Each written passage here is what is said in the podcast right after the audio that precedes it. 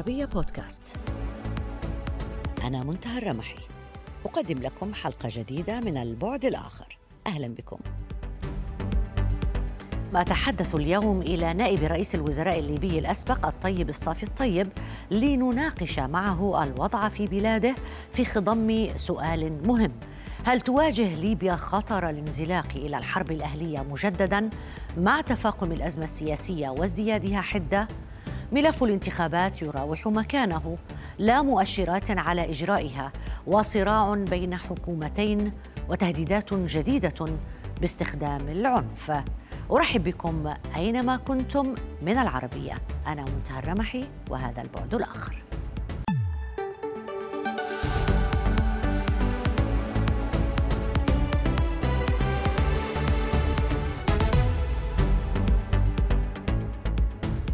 مرة جديدة أهلا بكم. تجددت التحذيرات في ليبيا وأحدثها من المبعوث الأممي الجديد لليبيا عبد الله باثيلي من أن بعض اللاعبين من المؤسسات يعرقلون التقدم صوب الانتخابات كما قال عثمان القاجيجي الرئيس السابق للجنة الانتخابات للمجالس المحلية في ليبيا. قال لم يعد أحد يتحدث عن الانتخابات. اللعبة التي يلعبها القادة السياسيون دائما هي عرقلة المسار. كلها تكتيكات للتأجيل. ويخشى الكثيرون في طرابلس من أن يزيد استمرار الجمود من فرص وقوع العنف. ومن شأن تفجر الحرب أن يفتح مساحة جديدة للاحتكاك بين روسيا والغرب في البحر المتوسط. ويؤدي لانخفاض إنتاج ليبيا النفطي البالغ واحد واثنين بالعشرة مليون برميل يوميا في خضم نقص عالمي في الطاقة مما يتيح فرصة لانتعاش نشاط مسلحين إسلاميين ويغذي أزمة هجرة عالمية ظاهريا تتحدد ملامح الأزمة على أنها تدور حول خلافات بشأن الدستور النهائي للبلاد وقواعد الانتخابات المستقبلية وتقسيم الثروة على المناطق المختلفة وشكل الحكومة الانتقالية. لكن الكثير من الليبيين لديهم شكوك في أنه لا يوجد طرف لديه أصلا اهتمام يذكر بحل طويل الأمد للمشكلة بالرغم من مظاهر تأييد للانتخابات التي تجهر بها تلك الفصائل لأن كلها مستفيدة من الفوضى الراهنة. في طرابلس يدير رئيس الوزراء عبد الحميد الدبيبة حكومة الوحدة الوطنية. ورفض مجلس النواب في شرق ليبيا شرعية دبيبة ويؤيد إدارة منفصلة بقيادة فتحي باشاغة بيد أن ولاية مجلس النواب نفسه انتهت منذ سنوات. ويتهم منتقدون رئيس مجلس النواب عقيل صالح بالتلاعب بالقواعد التشريعية لإصدار قوانين تهدف لتعزيز قاعدة سلطته. أما المجلس الأعلى للدولة فما زال يراوح مكانه بخصوص المسائل المطروحة ويعرقل بذلك أي فرصة للتوصل لاتفاق. حتى لو لم ترغب النخب في تغيير الوضع الراهن من خلال تسوية سياسية طويلة الأمد فلا يوجد ضمان ألا تغير بالعودة إلى رفع السلاح. وأعطى القتال الذي شهدته طرابلس في الآونة الأخيرة الفرصة لمجموعة قوية واحدة أن تشدد قبضتها على الأرض لكن منافسيها لا يزال لهم وجود وقد يشنون محاولات جديدة للفوز بالسيطرة. للحديث في هذا الموضوع أرحب معي في هذه الحلقة بسعادة الطيب الصافي الطيب نائب رئيس الوزراء الليبي الأسبق ليكون ضيفنا في هذه الحلقة من البعد الآخر سيد الطيب. أهلا بك معنا. أهلا أستاذة منتهى واهلا بأسرة الفعل الآخر وأحب أن أحيي من خلال حضرتك أسرة العربية وأحب أن أحيي كل السادة المشاهدين والمشاهدات. بداية يعني خليني أبدأ معك بوصفك للمشهد العام في ليبيا في هذه الأيام. والله أستاذة منتهى يعني حضرتك متابعة جيدة للمشهد الليبي، الوضع الآن بعد مضي أكثر من 11 عام الحقيقة الوضع شبه كارثي وعنده أثارة المحلية السيئة على المستوى المعيشة وعلى الخدمات والحقيقة تأثر الشعب الليبي تأثر بالغ بهذا الوضع ومش قادر حقيقة يخرج من هذه الأزمة. وأصبح لهذا لهذا الوضع آثار يعني آثار المحلية وآثار على دول الجوار وعلى المحيط الإقليمي وعلى المحيط الدولي. ولهذا الحقيقة يعني الوضع آه، يحتاج إلى الحقيقة يعني تدخل آه، إرادة دولية وإرادة وطنية آه، لعلها تجد مخرج لإنقاذ الشعب الليبي من هذا الوضع المأساوي اللي يمر به الآن. أي نوع من التدخل تقصد أستاذ طيب؟ هل هل نتحدث عن انتخابات؟ هل نتحدث عن انه الانتخابات هي هي بالفعل هي الحل الوحيد للخروج من هذا الانسداد السياسي في ليبيا؟ صدقتي أستاذة منتهى طبعا إحنا لا نشجع تعرف حضرتك يعني أي تنافس آه، على السلطة عادة يأخذ منحنيين يعني منحنى السلمي ومنحنى المسلح. فنحن نميل للمنحنى السلمي. والمنحنى السلمي ما فيش يعني أمامنا إلا الانتخابات. واعتقد إن كل الاجتماعات الدولية وإرادة المجتمع الدولي وقرارات مجلس الأمن ودول الجوار ويعني كل أصدقاء ليبيا وأحبائها سواء كان في الوطن العربي ولا في القارة الأفريقية ولا في البحر الأبيض المتوسط. كلهم الحقيقة يعني يتطلعوا أن يشاهدوا انتخابات في ليبيا سواء كان هذه الانتخابات رئاسية أو انتخابات برلمانية تنهي حالة الانسداد وتخلي الشعب الليبي ينطلق إلى الأمام طيب إذا كان العمل. إذا كان الجميع يريد إنهاء حالة الانسداد هذه ويريد ال ال ال فعلا عقد انتخابات تعبر عن الشعب الليبي، ما الذي يعرقلها حتى الآن؟ لماذا تتوقف؟ لماذا لا نسير إلى الأمام في موضوع الانتخابات؟ والله أستاذ منتهى يعني موضوع الانتخابات موضوع مهم وأنا اسمحي لي يعني حتحدث معك بالتفصيل في هذه المسألة اولا الانتخابات بقدر ما هي غاية لكن في نفس الوقت هذه الانتخابات تحتاج إلى تهيئة وتحتاج إلى عمل وتحتاج إلى إدارة يعني الآن نحن للأسف في ليبيا نتج عندنا موجود إدارتين يعني إدارة ما يسمى بالحكومة الوطنية وإدارة ثانية أنتجت أخيرا وهي الآن من خلال البرلمان الليبي. طالما أن هناك إدارتين آه، لن نتمكن من إنجاز هذه الانتخابات، اذا الخطوة الأولى أنه لازم تكون في إدارة واحدة زي ما عمل المجتمع الدولي وعقد لقاءات في تونس وفي جنيف نتج عنها هذه الحكومة اللي تسمى الحكومة الوطنية. يجب أن إحنا الآن نفكروا في مخرج برعاية أممية برعاية دولية برعاية وطنية. هذا ينتج عنها إدارة واحدة بحيث هذه الإدارة تتمكن من القيام بالانتخابات. طالما أن هناك موجود إدارتين كما لو كان هذه هذين الإدارتين تشتغل بشكل متضاد ولن توصلنا لمرحلة الانتخابات. هذه الخطوة الأولى. اذا يجب أن نحن ليبيا يكون فيها إدارة واحدة لإدارة المشهد التنفيذي وصولا إلى آه، الانتخابات. النقطة الثانية المهمة أستاذة منتهى وممكن حضرتك تابعتي تصريحات النائب العام الليبي. آه، في هناك آه، مشاكل حقيقية حدثت. يعني مثلا هناك تزوير فيما يسمى بالرقم الوطني. هذا التصوير تزوير وصل لحوالي 90 ألف مواطن دخلوا وسجلوا باعتبارهم ليبيين وهم مش ليبيين. السجل المدني بتصريح النائب العام في أكثر من 65 شخص 65 ألف شخص وجد لهم جوازات مزورة أكثر من 20 ألف جواز. إذا في هذه الحالة علينا لما تكون في إدارة وإدارة واعية وإدارة وطنية أول خطوة تديرها تعمل مراجعة لهذه السجلات تعمل تدقيق. حتى سجل الناخبين أستاذ منتهى النائب العام يتحدث عن 25 ألف بطاقة مزورة معناها هناك مشكلة سواء كان في السجل المدني والله في الأرقام الوطنية والله في جوازات السفر معطية ناس ليبيين هم مش ليبيين أو في البطاقات الانتخابية أول خطوة نعملوها نعمل مراجعة وتدقيق ونتأكدوا إن هذه الأرقام صحيحة. الشيء الثاني المهم أستاذة منتهى إيه. في هذا الأمر آه، موضوع السلاح. يعني السلاح خارج المؤسسة الرسمية القانونية اللي هي القوات المسلحة والأمن اللي هو الشرطة. أي سلاح وهذا أعتقد أنه مغطى حتى بالقرارات الدولية 1970 و 1973 أن كل سلاح يجب يكون تحت المؤسسات الوطنية وأن الأمم المتحدة يجب أن هي تشرف وتكتمل هذه الصورة بحيث أن يكون السلاح تحت المؤسسات الرسمية. م. أنت عندك سلاح وأنا ما عندي سلاح ونحن نعمل عمليه عمليه انتخابية لما بكرة إن شاء الله تطلع أنت خاسر وأنا ناجح معناته الحل في الشارع رح يكون رح يكون الحل في الشارع. بتتصور إنه في إرادة دولية. لمساعدة الليبيين فعلا للخروج من أزماتهم؟ أنت سيد طيب ذكرت إنه الانتخابات غاية ونحن نعرف الانتخابات هي وسيلة بنهاية المطاف لتحقيق تداول السلطه ولتحقيق راحة للشعب الليبي. في كل المقترحات الدولية دائما ما كانت تصطدم بعقبات. لحل الشأن الليبي أو لحل هذه الأزمة الليبية. وين المشكل؟ في المجتمع الدولي ولا في الداخل الليبي؟ المشكلة مشتركة.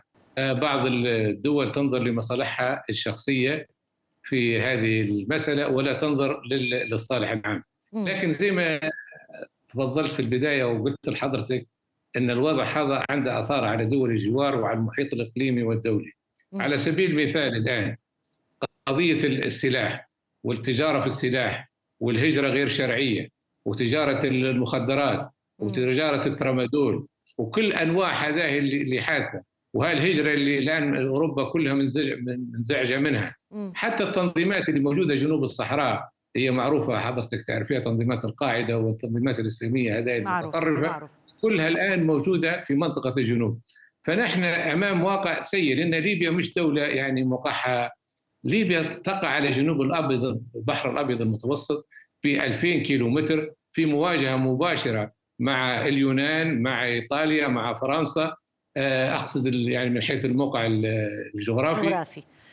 اذا هذه الدول ومن خلفها دول كثيرة يعني خاصة المجموعات الإرهابية هذه سيكون لها أثر سيء جدا على المحيط سواء كان على مصر على تونس على حتى الخليج العربي. على المغرب العربي يزداد طيب. يتطور في هذه المنطقة طيب الكل متفق على أن هذه الأزمة أزمة الجماعات المسلحة قد تطال دول الجوار قد تطال الدول الأوروبية أيضا ولكن ما بدأت بذكره حضرتك أنه إنه ربما يتوافق مع ما يراه المواطن الليبي العادي اللي أصبح يقول إنه اللعبة التي يمارسها السياسيون آه، الليبيون آه، آه، هي التي تعرقل المسار لأنه في نهاية الأمر هم متنفعون هم لهم المصلحة في ذلك لأنهم يعرفون إنه لو تخلوا عن هذه اللعبة سيتم لفظهم من كل الشعب الليبي.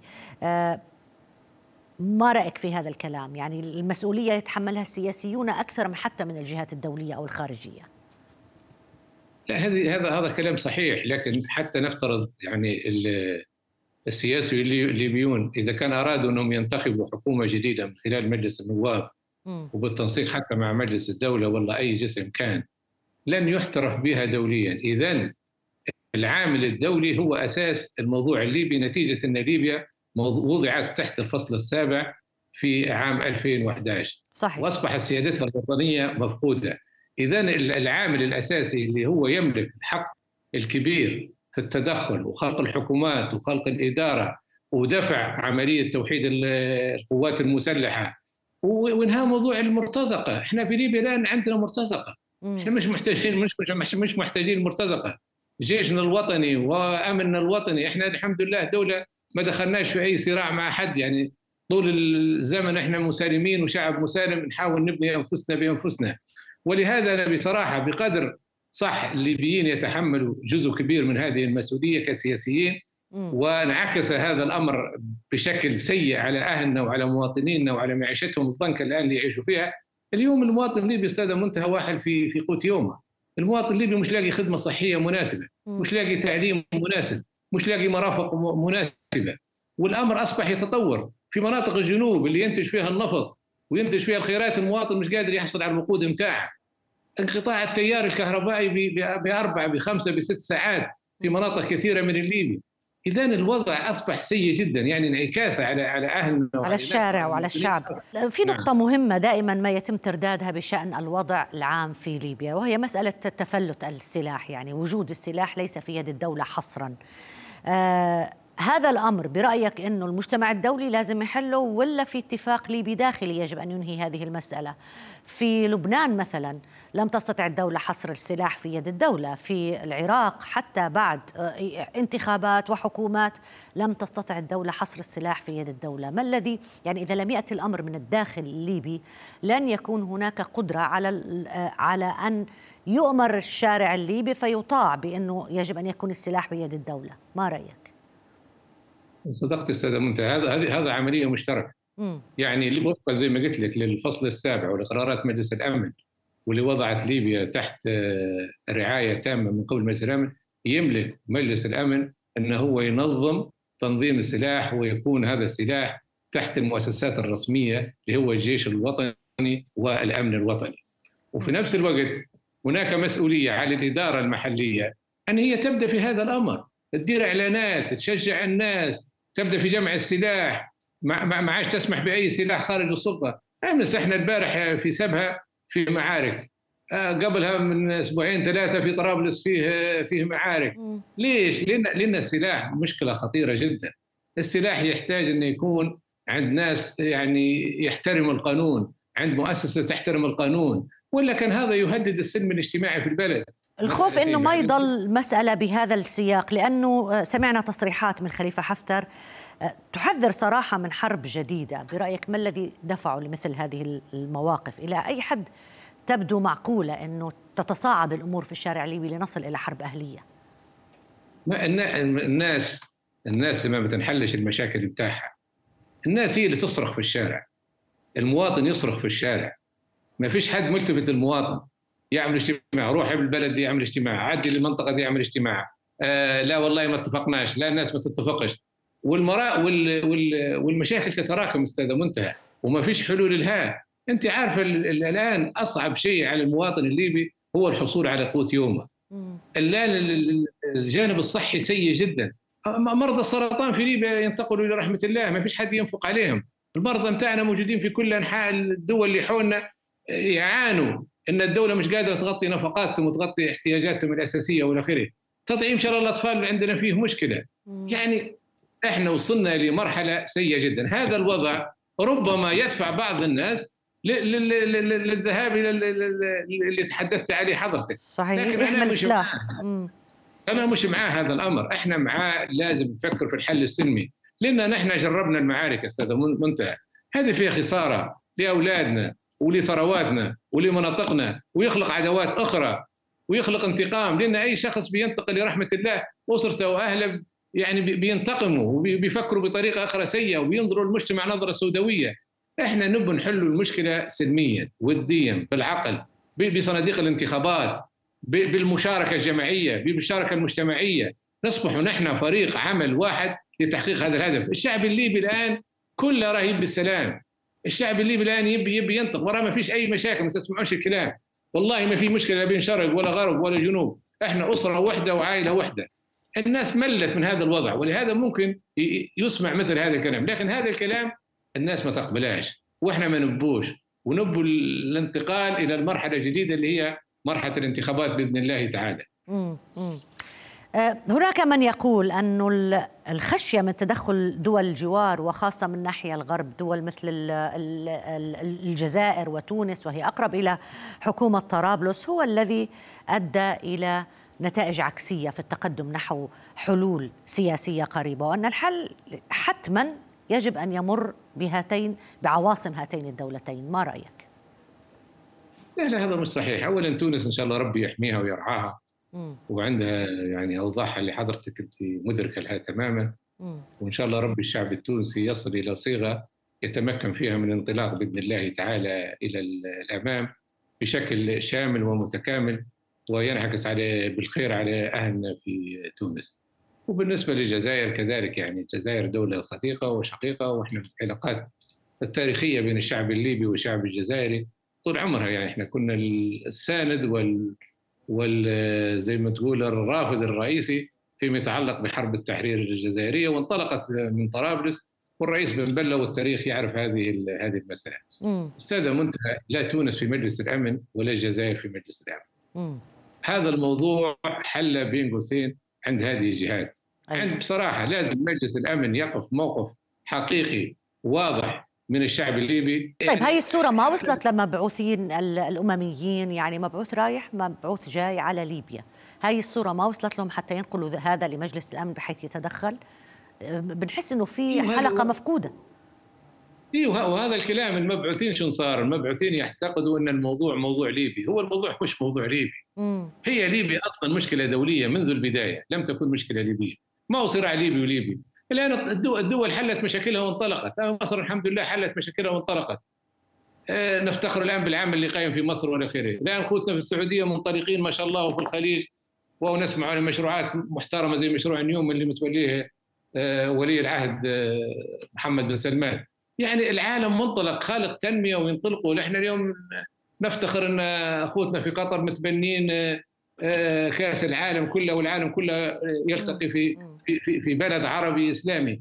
نحن نريد ننطق يعني ليبيا دولة مهمة ساده منتهى في في شمال إفريقيا. صحيح. ليبيا ممكن تكون مفتاح الحل لتنمية وتطوير منطقة شمال إفريقيا. وممكن تكون هي جسر العبور للتجارة الدولية بين قارة أوروبا وبين قارة إفريقيا.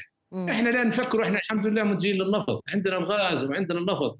ممكن نمد النفط زي ما الآن موجود خطوط النفط ماشية إيطاليا وإحنا بنعرف إنه لا يمكن يكون هناك تقدم على الصعيد الاقتصادي مشاهد معروف إلا لو صار في حالة من الاستقرار السياسي بشكل أو بآخر. في دول غربية استفادت من الوضع السيء في في ليبيا، مثلا تركيا استثمرت كثير بالاقتصاد في ليبيا. آه، إيطاليا ارتاحت من موضوع الهجرة كثيرا في بما يحصل داخل بالتنسيق مع الميليشيات طبعا بإبقاء هؤلاء داخل ليبيا. الدول اللي أشرنا إليها قبل قليل تونس جزائر مصر اللي هي عندها علاقات قوية دائما مع ليبيا لم تحصل على أي نوع من الاستفادة من الوضع في ليبيا. ما الحل برأيك؟ أولا نقول لك حاجة تركيا رأي خاصة لأن قبل 2011 غالبية جل المشروعات الإسكانية والمركبات الجامعية والتعليمية والصحية كانت متعاقد معها مع شركات تركية. هذه كل الشركات طلعت والمشروعات خسرتها هذا رقم واحد. اذا تركيا خاسرة في هذا الأمر مش رابح المحيط اللي حولنا نحن زي ما تفضلتي حضرتك وهذا كلام صحيح لما يكون في استقرار حقيقي في ليبيا. هذه التنمية حتستوعب الجميع حتستوعب العماله التونسية حتستوعب العماله المصرية حتستوعب العماله الجزائرية. وبما في ذلك أخوتنا الأفارقة يجون ليبيا ويشتغلوا فيها. يعني ليبيا بلد قاره وعندها مقدرات. معروفة وعندها يعني. مقدرات ومش محتاجة يعني مش محتاجة لحد يعني لو كان هذا أموال بدل ما نفقوها على الحروب ونسلموها للميليشيات ولتجار المخدرات والترامدول والسلاح والهجرة غير شرعية وهؤلاء يصبحوا أغنياء والشعب يصبح فقير كان هذا ممكن يكون الحال يختلف تماما تماما ولهذا نحن نوجه نداء اليوم من خلالك حضرتك ومن خلال آه، هذا البرنامج الرائد ومن خلال آه، قناة العربية على مجلس الأمن إنه هو لازم ينظر نظرة جادة إلى ليبيا ويحل المشكلة. أما أما اللي خلق لنا المشكلة في أساسا هو مجلس الأمن. صح. إحنا الان تورطنا في هذه المشكلة، كيف اللي دخل مستنقع ومش قادر يطلع منه. مم. لازم يمدوا إيديهم للشعب الليبي ولازم يمنعوا حتى في الانتخابات وبكرة إحنا حنعمل انتخابات أستاذة منتهى. واحد ينجح وواحد يسقط وهذه واحدة من الأساسيات اللي ممكن نتفق عليها. الانتخابات أي واحد يدخل الانتخابات سواء كان المجالس الرئاسية الانتخاب الرئاسي والانتخاب البرلماني يجب ان هو يكتب إقرار بالقبول بنتائج الانتخابات. إقرار على المستوى الوطني وإقرار على المستوى الدولي. بكرة بعد بكرة أنت تخرج على على النتائج معرض للعقوبات الدولية. الإعلام بنفسه لازم يفكروا في ميثاق شرف إعلامي. صحيح. كيف الإعلام يتكلم بلغة جديدة بلغة التصالح باللغة المجتمعية بدفع الناس للعملية الانتخابية بدفع المرأة، المرأة تمثل إحنا عندنا ثلاثة مليون ناخب الآن سجلوا خذوا بطاقاتهم ممكن لما نفتحوا إن شاء الله في الفترة القادمة تفتح الفوضيه لأن في أجيال جديدة ممكن يرتفع الرقم هذا كيف المرأة تشارك؟ كيف الرجال يشاركوا كيف الأسر تشارك؟ مش المهم إنك أنت تحصل على بطاقتك بس لكن يوم الانتخابات لازم تشارك وتكون رايه مش تقدر تنقذ أهلك وتنقذ ما نبوش إحنا انت عبارة عن تنتقد بس لا لا نحن بنمشي للعمل الإيجابي. العمل الإيجابي هو المشاركة هو الإعلام يكون إعلام شريف هو نحن نجمع السلاح نجمع المال الفاسد نقضوا على الميليشيات. نقضوا على المرتزقة. وننظر إلى الغد لأنه لأنه معروف أنه إسقاط الأنظمة عن طريق الحروب أكبر أزمة فيها أنه اليوم التالي لهذا الإسقاط يبدو أنه المجتمع الدولي ما بيكون عنده تصور عليه وحالة العراق على سبيل المثال وحالة ليبيا أكبر دليل على ذلك. ألف شكر لك للمشاركة معنا سعادة الطيب الصافي الطيب. أستاذ منتهى تفضل تفضل. نقول كلمة نهائية تفضل تفضل. أرجو يعني من خلال حضرتك ومن خلال هالبرنامج الرائد ومن خلال قناة عربية نوجه نداء لاهلنا في ليبيا أرجوكم انسوا الماضي. انطلقوا للامام تكلموا على التصافح. تكلموا على السلم الاجتماعي. حبوا بعضكم من أجل ليبيا. حتى أي واحد حتى كان متضرر من أجل ليبيا لازم انه هو يوضع عن الجمر وينتقل للأمام. لأن ليبيا هي الباقية. نحن كنا منتهيين. وما نفكروش يا أستاذ منتهى في أنفسنا بس. فكروا في أولادنا وفي مستقبل الأجيال القادمة وبننطلقوا للأمام. وبكل محبة وبكل أخوة ونسأل الله انه هو يوفقنا لتحقيق هذه الغاية ونسأل الله إن المجتمع الدولي ينظر إلى ليبيا نظرة جادة تمكن الشعب الليبي من خروج من هذا الأزمة ومن هذا الوقت يعني الشاب اللي كان عمره عشر سنوات عندما سقط نظام معمر قذافي هلا دخل بالعشرينات من عمره. يعني سنوات تركض ركضا وإذا لم ينظر إلى الغد تصبح أزمة كبيرة. شكرا جزيلا لك على المشاركة معنا الطيب الصافي الطيب نائب رئيس الوزراء الليبي. ألف شكر. شكرا استاذه منتهى شكرا. بارك إلى هنا انتهت حلقة اليوم من البعد الآخر. يمكنكم دائما متابعتنا على مواقع التواصل الاجتماعي تويتر فيسبوك ويوتيوب كما يمكنكم الاستماع إلى حلقتنا على العربية بودكاست إلى اللقاء.